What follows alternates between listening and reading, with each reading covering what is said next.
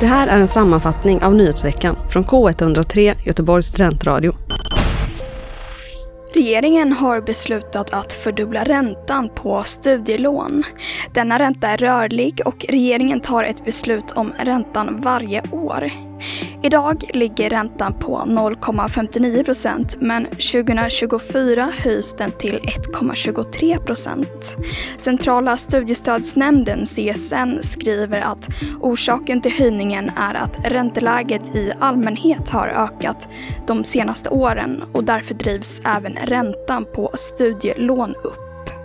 För en genomsnittlig låntagare med studieskulder på 166 000 kronor blir det ingen skillnad för hur mycket man behöver betala varje år enligt CSNs uträkningar. Däremot förlängs tiden man betalar tillbaka lånet. De med skuld på över 232 000 kronor får däremot ett högre årsbelopp. Naturvetarhuset Natrium invigdes den 17 november. Från och med höstterminen i år kommer Göteborgs universitet att samla en stor del av den naturvetenskapliga undervisningen och forskningen i den nya byggnaden på Medicinarberget. Byggnaden är sju våningar hög och rymmer bland annat föreläsningssalar, undervisningslabb, herbarium och akvarium. Pedagogens tidning Bambabladet anklagar Göteborgs universitet för censur.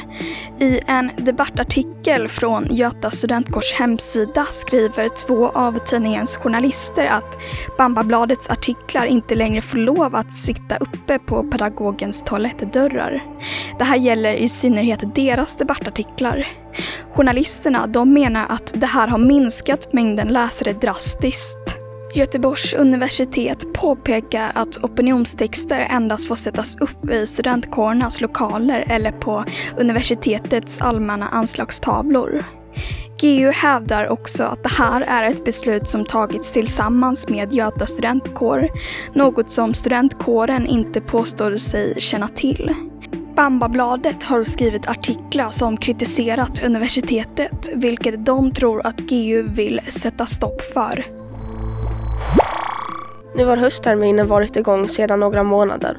Men det är inte alla ungdomar som har tagit sig tillbaka till jobbet eller skolan. En ny studie från Myndigheten för ungdoms och civilsamhällesfrågor visar att nästan var tionde ung mellan 16 och 24 år har varit utan arbete och skola i mer än ett år.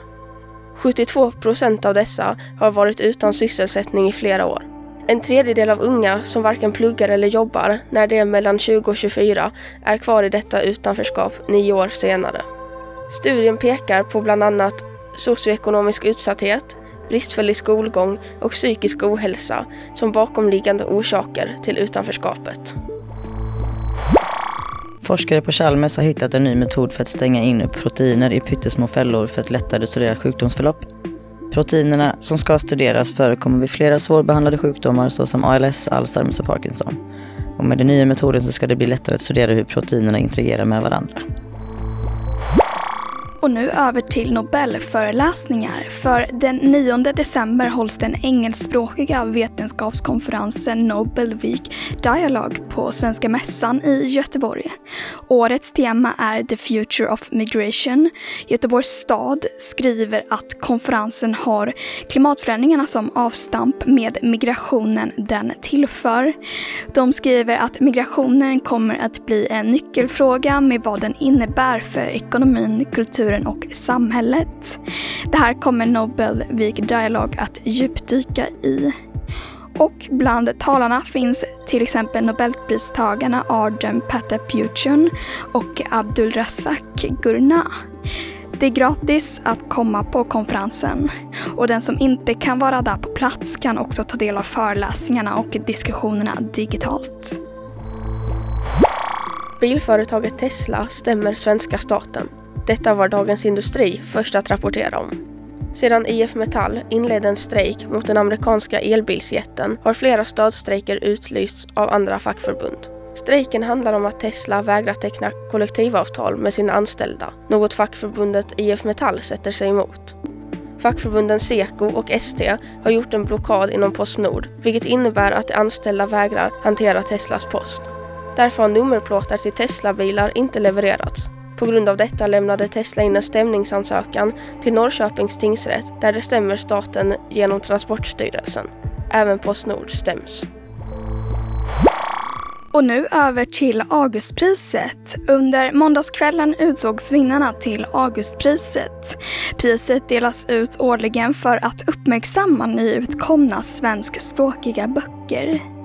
I de tre kategorierna skönlitteratur, barn och ungdomslitteratur och facklitteratur hade totalt 18 böcker nominerats enligt SVT.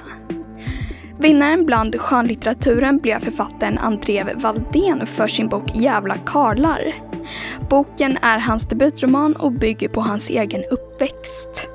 Bland facklitteraturen gick priset till Per Svensson för hans bok Son, Ett liv, en tid. Det är en biografi som skiljer konstnären Anders Zorns liv.